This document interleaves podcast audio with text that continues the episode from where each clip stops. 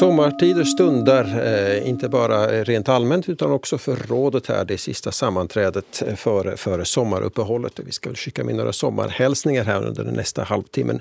Stefan Windiger heter jag som är sekreterare idag och jag säger välkommen här till Gitta Dahlberg, hej! Hej! Klaus Bremer, hej hej! hej. Och Marianne Laxén, hej! Hej! Välkomna alla. Ja, det här, eh, det här du var på Åland sist här nu, du här Marianne Laxén, vad har, du hunnit, vad har hunnit hända sedan dess? Oh, jag har haft eh, besök av min, mitt yngsta barnbarn plus kamrat. Och det, eh, det måste jag säga att eh, jag kom att tänka på hur olika de här somrarna är nu för tiden och som de har varit när jag var barn, i alla fall min barndom. Jag var ju barn i, ett, eh, ett, i en familj där mamma var ensamförsörjare. Hon hade hon hade inte råd att, att organisera några sådana sommar, sommarställen för oss. Så att vi hamnade ut bland olika familjer i, i Svenskfinland och i Finskfinland. Och jag har varit, jag har varit i, fin, i Finskfinland till exempel i, i Lieksa, i Kite, i Kaavi. Och jag mhm. har olika minnen därifrån. Men jag kom att tänka på det här bara då när jag hade den här eh, sonsonen, han är nio när de har sina telefoner så de kan ju ha direkt kontakt med mamma och pappa om det är någonting som går snett eller om de inte har tillräckligt mycket telefon till att spela. Något sånt. Ja. Men tänk på mig som barn. När vi for till Kavi, vi var där väl i två månader och det enda möjligheten man hade att hålla kontakt var att skriva brev. Och de breven kom ju inte så hemskt ofta heller. Och den, jag måste säga att när, men, men för mig själv så var det ju inte så det var ju inte så konstigt för man kunde ju inte tänka på något annat. De hade inte telefon där var jag bodde. Så att skulle de ha haft telefon skulle det vara en annan sak. Men, men som sagt, det var brevkontakt med mamma. Och när jag for dit till Kavi, jag for med min lillabror, han är fyra år yngre än jag, jag var väl elva då tror jag. Och det var sju kilometer från närmaste butik och tre kilometer från närmaste granne. Så då grät jag när vi, när vi satt i den där hästkärran och, och var på väg dit. Men sen när vi får hem därifrån igen så grät jag lika mycket för det hade varit en så underbar sommar. Så här, så här kan det vara. Men det här kommer jag bara att tänka på just därför att när de här barnen är där när de har sina telefoner så de kan ju ta kontakt hela tiden. Och går någonting på sned så är, det, ja. så är det för mormor eller farmor så är det lite tråkigt när de kan ringa och klaga med detsamma. Men det händer ju, det händer ju inte så ofta den här gången. Nej. Just det, just det. Så du, du, du skickades på grönbete kan jag man säga? Jag skickades på grönbete och på finbete. Så att det här finbete var på det sättet ganska roligt nog också. att när jag och min, det var en sån stuga, vi, eller ett sånt hushåll, en sån där liten bondgård som vi bodde i, men som var på vägen när, när de här karlarna var ute på skogsarbete under veckan så kom de via där och drack kaffe före de kom hem till på lördagarna. Och så, hade, så när de hörde då att, att min bror och jag vi talade svenska med varandra så tyckte de att det här var ju riktigt konstigt så vi fick sitta på den där, på den där bänken där i den där tupan, det vill säga i köket och så fick vi tala svenska med varandra så kunde de där gubbarna sitta och grina det är ju underligt att man i ett här kan ha ungar som talar sånt och vi förstår ingenting. Så det var riktigt cirkus på lördagarna. Just det, men, men det var ändå ett bra, ett bra minne. Ett jättebra minne, ja. ja. Trots att jag grät när jag for dit, men ett jättebra minne fortfarande. Vad roligt. Just det. Klaus, vad har hänt hos dig då? Jag måste säga att jag har precis samma minne. Att du har bli skickad, men vad var du? Bli skickad till, jag var eteläisten kartanon äh, renkipojka i två somrar och sen var jag i Tuulos och sen var jag någon annanstans och, och det där. Och jag hade inte ens någon med mig utan jag var helt mm. ensam. Mm. Svenska talande i purfinsk omgivning. Att det där, jo, jag kan det där. och okej, okay. man lärde sig mycket mm. och lärde sig finska bland annat. Precis. Mm. Men det där vad jag har tänkt på så Hörni, jag har tänkt på hur de roddar nu gräver upp halva Helsingfors med de här spårvagnarna och spårvagnsskenorna och vad det kostar. Vi har, vi har fruktansvärd penningbrist bland, bland, i hälsovården och, och, och det där. Och Eh, det var en dam i morse i radion som sa att, eh, att det där, äh, matkassen har blivit 35 procent dyrare från 2020. Det, det, det smärtar hårt bland åldringar och, och, och, det där, och fattiga människor. Och så gräver man och håller på med de där spårvagnarna. Jag, jag, bara för att göra en lång sak kort att en, en busslinje kostar en fjärdedel av spårvagnslinjen när man räknar ihop vad det kostar att börja från att producera stål och hur mycket det skuffar ut CO2-utsläpp. En arbeta ut de där skenorna till slut. Hur mycket producerar man till utsläpp? Förrän, de, för, förrän man har stabiliserat marken under 80 ton. Mm. Hur mycket kostar det? Eh, järnhjulen har mycket större rullmotstånd än gummihjulen. fråga vad kostar det, hur mycket energi för 80 ton när man har 30 tons buss som levererar, som transporterar lika mycket människor och som går direkt på gatan så här. Mm. Och om man bygger åt bussarna en så, så kallad BRT-passage som man gör nu åt, åt spårjåkern så, så det där, den, den där spår, äh, man, man, man kan med buss köra snabblinjer och lokal som stannar på varje, varje mm. hållplats. Men det kan man inte med spårvagn för alla står uppradade efter varandra. Och bara energi, vad, vad, kostar mera om du har båda sådana här troll, trolleybussar och, och, och led, led eh, vad heter det med, med spårjåkern. Vilken drar mera energi, elektrisk energi, 80 ton eller, eller 30 ton? Jag gissar på 30. Alltså det, det, mindre, ja, Det, alltså Men det är drar helt, inte 80 ton mer människor också? Det, det är helt ett ögonblick. Ja, ja. En ledbuss tar ju upp till 150-160 personer precis som en sån här spårvagn. Och i Sverige har de ju jag menar, Sverige försöker man få Uppsala att, att gå över till bussar istället för spårvagnar. Och jag har fått en sån här jämförelserapport där. Och jag kan inte läsa upp allt som står här men att det är helt vansinnigt. Och, här, och de här, spår, vill, spårgrejerna. Och här vill man ha spårvagn. Nu kommer det spårvagn då Tammerfors och Åbo längtar man rusigt ja, också efter att och få dra längs Topeliusgatan är spår. Alltså jag, jag är en stor spårvagnsfan. Det har jag varit ända, ända sedan jag var mycket liten och mådde illa så fruktansvärt i, i, i varenda buss jag, jag satt mig i. Men i spårvagnar har jag aldrig upplevt någonting sånt. Ifall det nu inte har handlat om en, en magsjukdom. Så att, mm. nej, jag, jag, tycker att, att spårvagnar är, är alldeles utmärkta i städer där det handlar om att, att ha vissa sådana här stamlinjer så att säga. Mm som, som uh, ska vara fasta. Men det där att sen hålla på att riva upp dem och, by, och bygga, dra nya linjer och sen efter några år riva upp dem igen och, och, och dra några andra linjer. Så det, det är ju ett fullständigt vansinne. Mm. Det, det ska vara något väldigt stabilt nog när man drar ett, ett spårvagnsnät. Och, och, och, jag tycker det skulle kunna vara, vara alldeles prima att dra då metro eller snabbspårvagnar som skulle gå lite längre än, än det som nu är, är planerat. Men att eh, jag har för all del nog inte sett några kalkyler på, på vad det kostar. Och, och sen är det ju en sak förstås att utsläppet, idag talar vi väldigt mycket om utsläpp också, och vad det, vad det så att säga kostar för mm. människors hälsa och, och, och miljö. Och, och, där, och där är ju spårvagnen nog ett, ett bättre alternativ än, än dieselbussar. Men att spårjåkern kostar 500 miljoner före den första spårvagnen där spårjåkern kör. Medan buss, bussen kostar just ingenting när man sätter den på marken och rullar iväg på gatan. Mm. Och snabbt att komma igång också. Ja.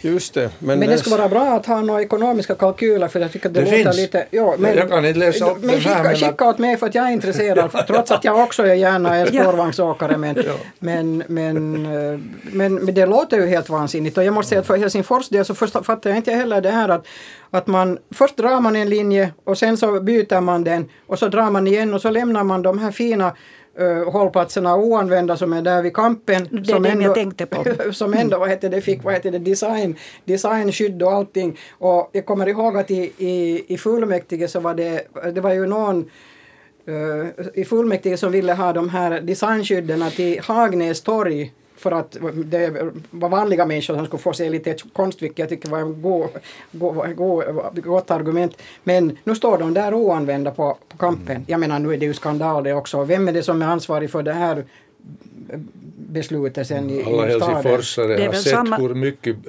markbygge, hur man spränger bort berg och hur man bygger upp helt nya, nya leder. Och bussen går på gatan.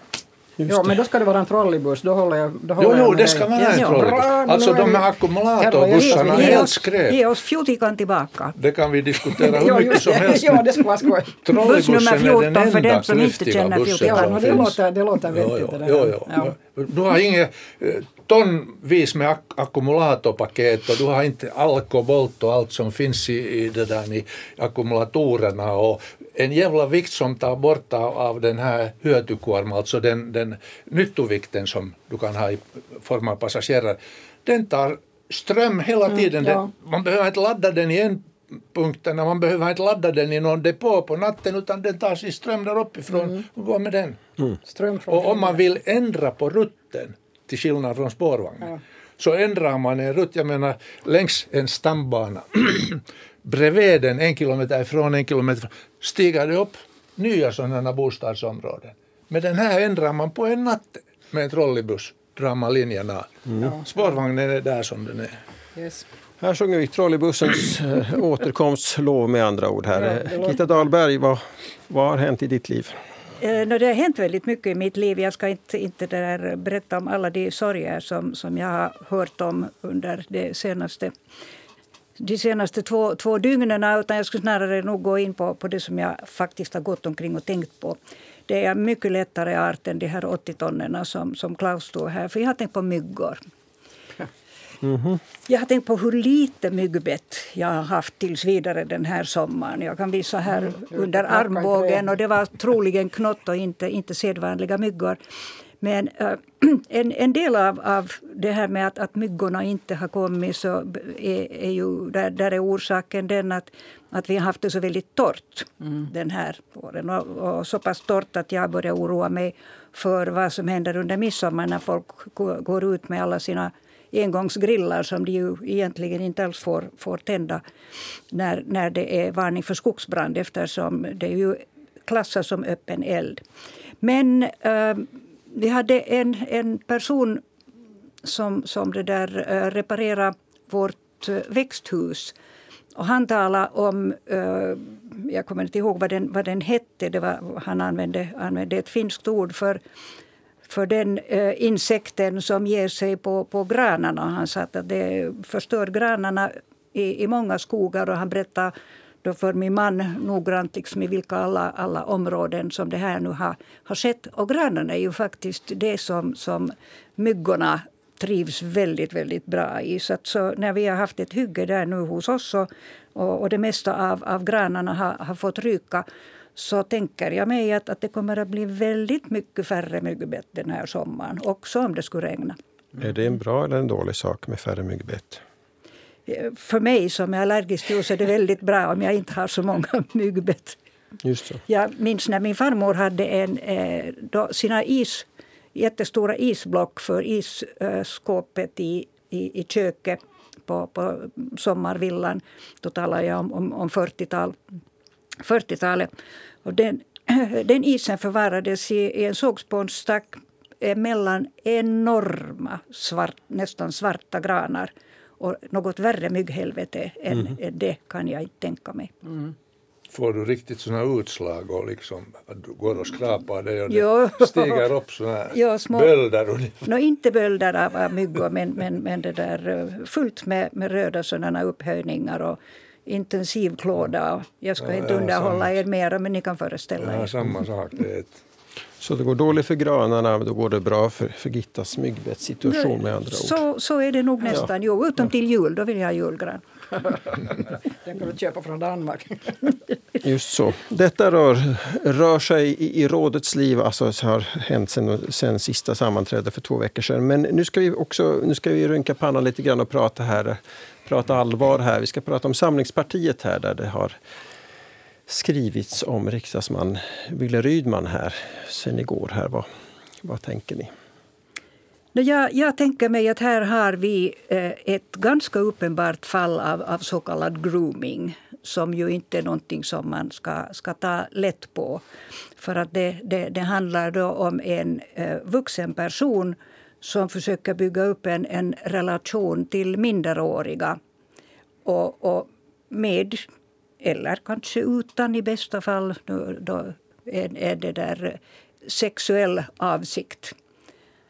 Att när, när man då äh, sitter som, som Runman har suttit då som ordförande för, för Samlingspartiets ungdomsavdelning så, så är det ju en post där där man har, kan ha en väldigt stor betydelse, och ett stort inflytande på, på mycket unga personer. Och i, det, I det här fallet så har då hans intresse riktat sig mot de här unga flickorna. Och det går så väldigt lätt att locka dem. Man, man tar den på, som då någon av de här, eller, eller var det flera som hade då blivit, blivit bjudna på lunch eller något sånt. Och på tu man hand med honom. Och där skulle jag säga att, att där, där lyser den första varningslampan redan för att, att varför ska en, en vuxen man må vara en, en yngre vuxen man, men, men en, ändå eh, bjuda en 15-åring på, på lunch. Och, och, och, och sen när det, när det kommer lite längre och det handlar om att, att bjuda 15-åringar på, på vin och till och med truga vin. Och, och, och sen eh, då, samma ungdomar eller samma unga flickor uh, bjuds hem till honom när de väl har fyllt 16 och, och, och det inte längre är så ungt lammkött som man förut brukar tala om så där i mm. herrkretsar. Så, så då är nog då, då lyser varningslamporna verkligen mm. rött. Jag, jag tänker på det här fallet med, med uh, Rainer Erlund, riksdagsman, även han mycket äldre. Så där, där gick det ju väldigt, väldigt illa. Han blev ju fast och vad som sen hände. Men, men det där. Men där ska jag komma ihåg, alltså det här, i det här fallet eh, är det nu inga misstankar om några brott eller något sånt där helt enkelt. Det är inte... Mm, I, alla fall, har, I alla fall har polisen lagt ner det där men det betyder ju inte riktigt ännu att, att det är frågan om brott eller inte. Nej. Men de tyckte, jag menar, om jag har hört vad polisen gör i sådana fall så har de, de tycks inte ha tillräckligt med resurser och möjligen kanske inte så hemskt mycket intresse heller att göra någonting. Och därför så var det ju bra att Mykkänen ordförande i Samlingspartiets riksdagsgrupp sa att det skulle borde tas upp av polisen en gång till. Men det som är den stora frågan här är ju det att vad har partiet gjort och vad har partiet för moral eftersom det framgick ju att, att de har vetat om det här. Och det, det, tycker jag är förvånande, för att sen säger de ju nog att vi har nolltolerans till allting, men, men de har inte reagerat nu på ett år eller ett halvt år. Mm. Och, och de, de visste om det här partiledningen, partisekreteraren och vet partisekreteraren så är jag säker på att också partiordförande vet, men han har ju inte, han har ju inte erkänt att han skulle ha vetat någonting. Så att det är Eller det som, är, som jag tycker allvaret det, i det hela. Att det var, exakt, just mm. ja. ja Så mm. att jag tror att det, det, är det, som, det är det som är Samlingspartiets dilemma just nu. Att de ingenting gjorde och de vet inte riktigt vad de nu ska göra. Så att skjuta det över till polisen så räcker ju inte. Mm jag skulle inte ta upp det där med partiet. Jag är säker på att det finns i Socialdemokraterna precis samma sak fast, fast det inte syns för tillfället. Det finns i alla partier. Om jag tolkar det rätt och mina båda, båda döttrar vad de har berättat, vilka kusliga saker faktiskt med de här tafsande männen. Eh, jag har ingen förståelse för det. Men att det tycks vara så vanligt att jag kan inte tänka mig att något parti skulle vara helt, helt liksom bli frikänd från det där. Att jag tycker inte du ska tala om partier, men däremot kan du nog tala om, om de här tafsande männen som jag måste säga att jag har ingen förståelse för det. Ändå kan jag se precis som Stefan här att, att det där, uh, han har inte blivit fälld för något brott och det är att märka. Och jag vill inte liksom tala, förlåt, tala för honom på något sätt. Men i alla fall så har som har kommit fram nu så har han inte gått till handgripligheter och sist och slutligen har alla flickor fått gå hem. Han har försökt hålla dem kvar men att det där det har inte blivit något så, som, som det kom fram här, det har inte blivit något brott. Sen utan att igen försöka på något sätt försvara de här gossarna, vilket jag tycker är jävligt äckligt att det ska finnas så mycket tafsande gossar och, och män men att det där, en annan sak är ju det att man hoppas att föräldrarna för sådana tonåriga flickor också skulle lite se till att de eh, att berätta hur farligt det är att klä sig utmanande när brösten börjar Oj, växa. Och, och, jo. Vet du, det finns plattbröstade flickor Jag förstår att kvinnorna inte godkänner det här men att männen, nu män och nu måste man ju förstå vem man utmanar. Nej, nej, nej vi, det, vi ska inte alls gå in liksom på, på den linjen. Men, men det där... Det, nej, att jag inget, förstår inget, att inget, vi inte ska gå in ja, på den att linjen. inget, inget brott har skett. Grooming är ett brott. Ja. Så att, att om, om det där uh, det Jag förstår framgår, inte vad grooming är, No, men att om ja, du kan jag ska- jag översätta ska det berätta- till svenska eller jag ska finlandssvenska. det, ja, jag ska berätta. Det handlar om att en vuxen människa försöker bygga upp ett förtroendefullt förhållande till en, en uh, mycket ung person, en minderårig person. Och, uh, där avsikten är sen att, att småningom uh, som öka på den där kontakten närmare och närmare tills man då har en, en regelrätt sexuell relation. Och, och, och det här är, är liksom över hela världen så, så börjar man uppfatta det här då som, som ett, ett brott. Men, men polisen är ju naturligtvis inte alltid så på alerten när det gäller det här. Och det finns många, eh, i synnerhet manliga poliser som kanske inte riktigt har fantasi nog att, att se det här. Deras ögon är inte tillräckligt öppna. Men det som jag skulle säga om, om partiet, det handlar nu om det här partiet. Det kan handla nästa gång om ett annat parti och då kan vi tala då om det. Det finns naturligtvis ett ansvar för eh, inom det där partiet. Det är fullt av vuxna kvinnor, vuxna män. Och varenda en som, som vet om någonting och, och, av, av den här sorten, om det händer inom partiet, och rykte har tydligen då gått. Så de har ju inte, inte tagit sitt ansvar som vuxna för de här ungdomarna som de försöker locka med och, och, och, det där, eh, och uppfostra så att säga inom politiken. Och Om de visar att det här är, är ett acceptabelt eh, sätt att, att handskas med ungdomar så, så vad berättar det om dem?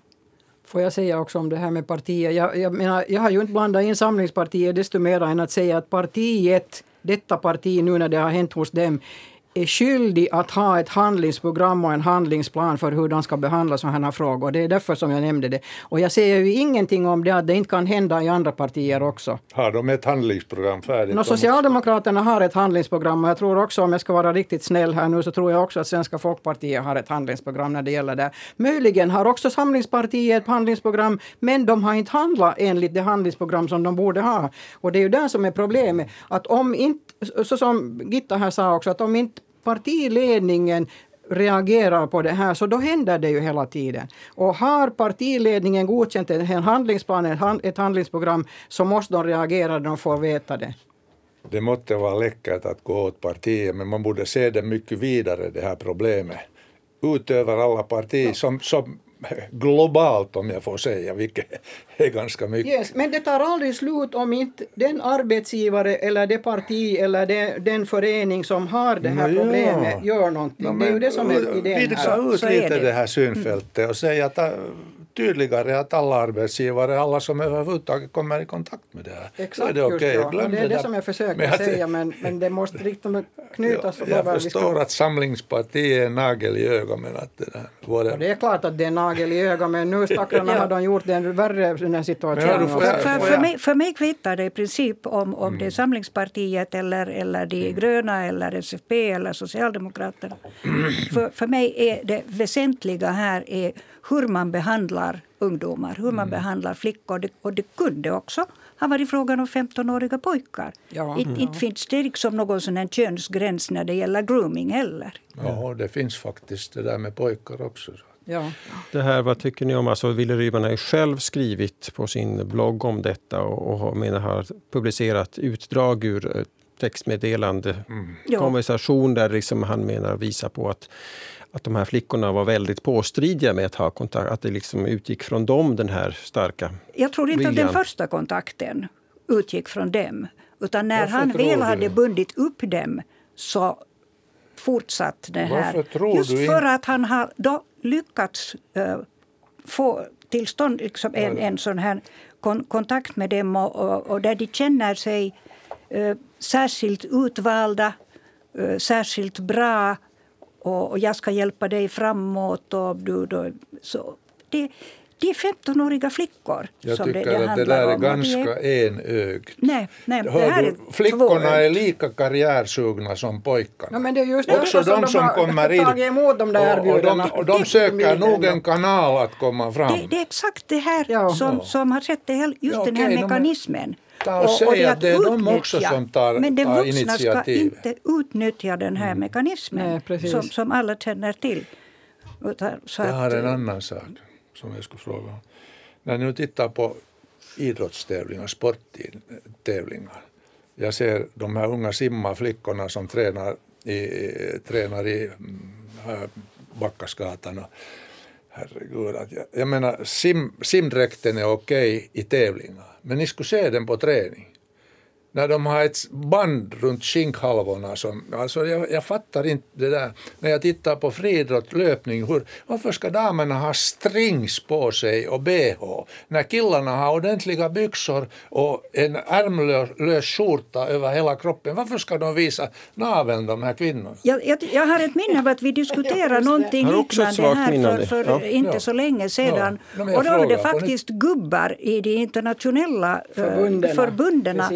Som Jo, bestämde just enögt att de, igen. att de Nej. inte... Nej, så sjutton. Och som inte ville tillåta. Så det var förbjudet att, att spela i, i det där då, lite lösare shorts och lite... lite beach, sagt, du kan ta fram beachvolleyn, där har du alldeles rätt. Att det, Ja. var, det var ju skandal Det var just att, det att arrangörerna skulle kräva något sånt här. Ja, men vad nu- tror du att de andra arrangörerna hör gör då? Det är inte arrangörerna. I många fall är det frågan om, om eh, försök att få sponsorer. Försök att synas, för sponsorerna kräver att du ska synas. Du kan synas när du har den där lite utmanande utrustningen, även i friidrott. Mm, ja, ja. Ja, precis. Det var ju just det vi Ja. talade om. Ja. Ja, men det, det, Men det det, utgår från den här människan själv. Nej, sponsorerna är, är, är, då, är då uppenbarligen de som bestämmer om spåren. Sponsorerna vill se bröst och skinkor och, och, och lår. Så, så kommer de här gubbarna som sitter i, i de här vilket förbunden att bestämma. Nej, men du sa ju själv just nu att sponsorerna bestämmer. Nå, varför är det snack nu Nej, inte då? har jag sagt att sponsorerna bestämmer. Det är brudarna som vill ha sponsorer och som Oj, försöker komma in i det där sponsorshipet. Aj, aj, aj. Och de ser att det är möjlighet att synas. När jag syns så får jag pengar. Ja, ja It- it- just det. det, det är inte alls så att det är enbart sponsorerna som bestämmer. ja, men, men jag förstår inte varför man ska vara liksom så hemskt upprörd över att, att, att man ser skinkor och lår kvinnorna och ser så när, när det en gång är, är. Mm. är avsikten att de ska synas jag för igen att sponsorerna ska jag har ingen förståelse för tafsande män så att jag, menar åt alla lyssnare att jag, jag tycker det är hemskt med de här männen och, och att det ska finnas så mycket, mycket för mig är en överraskning.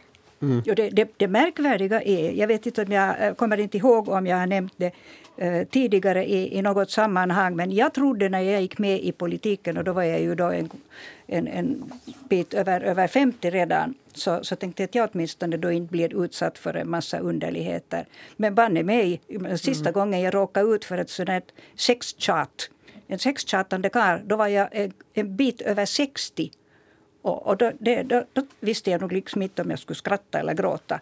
Man ska måste liksom skuffa ifrån sig karlar ännu i den åldern. Nu är jag över 70 så det här är nog inte ett här prat för att har- berätta jag hur fruktansvärt sexig Jag jag har är. två döttrar som båda var, var det där tur, turvis min sekreterare i riksdagen och båda har mycket äckliga erfarenheter från riksdagen. Otroligt. Vilket de nu först berättar åt mig. Det har jag inte hade Har ni kommit att tala om det alltså nu, just nu, nu? nu när, I själva verket nu när vi börjar snacka om, om, om det här med Rydman och det där, så kommer det fram att, att de hade inte alls något trevligt. där. Men det är väl på det sättet i alla fall att om man nu ska se det ur den po- po- positiva synpunkten att, att nu skulle jag nästan säga att folk vet vad det är frågan om när det är frågan om sexuella trakasserier. Men om ni kommer ihåg det där Tupolev- Tupolev-kortet som Ja. jag blev utsatt för 1990. Så då var egentligen bara kvinnorörelsen den enda som var medveten om vad det var frågan om. Och det var de som stödde mig. Men hela det politiska eta- etablissemanget förstod inte alls vad det var frågan om och sa att jag inte hade humor. Som tur var så var Paavo Nikola då jämställdhetsombudsman, så att han, han var liksom den enda mannen på min sida, men i alla fall en sån som, som, som hade eh, en position där. Men, men om vi ser vad som hände då 1990 och vad vi ser idag så reaktionerna är helt annorlunda och jag tror att medvetenheten bland befolkningen och också bland politikerna är helt annorlunda. Som jag sa här föregående debatt i diskussionen här så sa jag ju att, att de flesta arbetsplatser arbetsgivare och mm. föreningar och partier har ju sina handlingsplaner när det gäller sådana här frågor. Och det, det, det var ingen som visste någonting 1990. Mm, du talar om arbetsplatser och partier. Jag skulle nog ändå säga att eh, föräldrarna också har ett visst ansvar stort ansvar när det gäller att, att eh, uppfostra framförallt sina, mm. sina söner till, till att visa respekt. Att ha respekt ja, ja. för, för, för flickor, för, för kvinnor. Varför inte båda delar? Ja, nej, du låter inte mig tala till punkt. Så, så. Okay.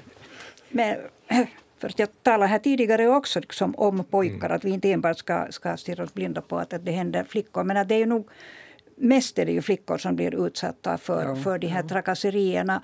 Så att, att eh, framförallt, alltså, det gäller... Det, är inte bara, det räcker inte med att bara mammorna säger åt pojkarna att, att de ska ta hänsyn, alltså mänsklig hänsyn överhuvudtaget till, till andra, andra personer. Och, och att respektera andras integritet och kroppsliga integritet. Så det, det är oerhört viktigt.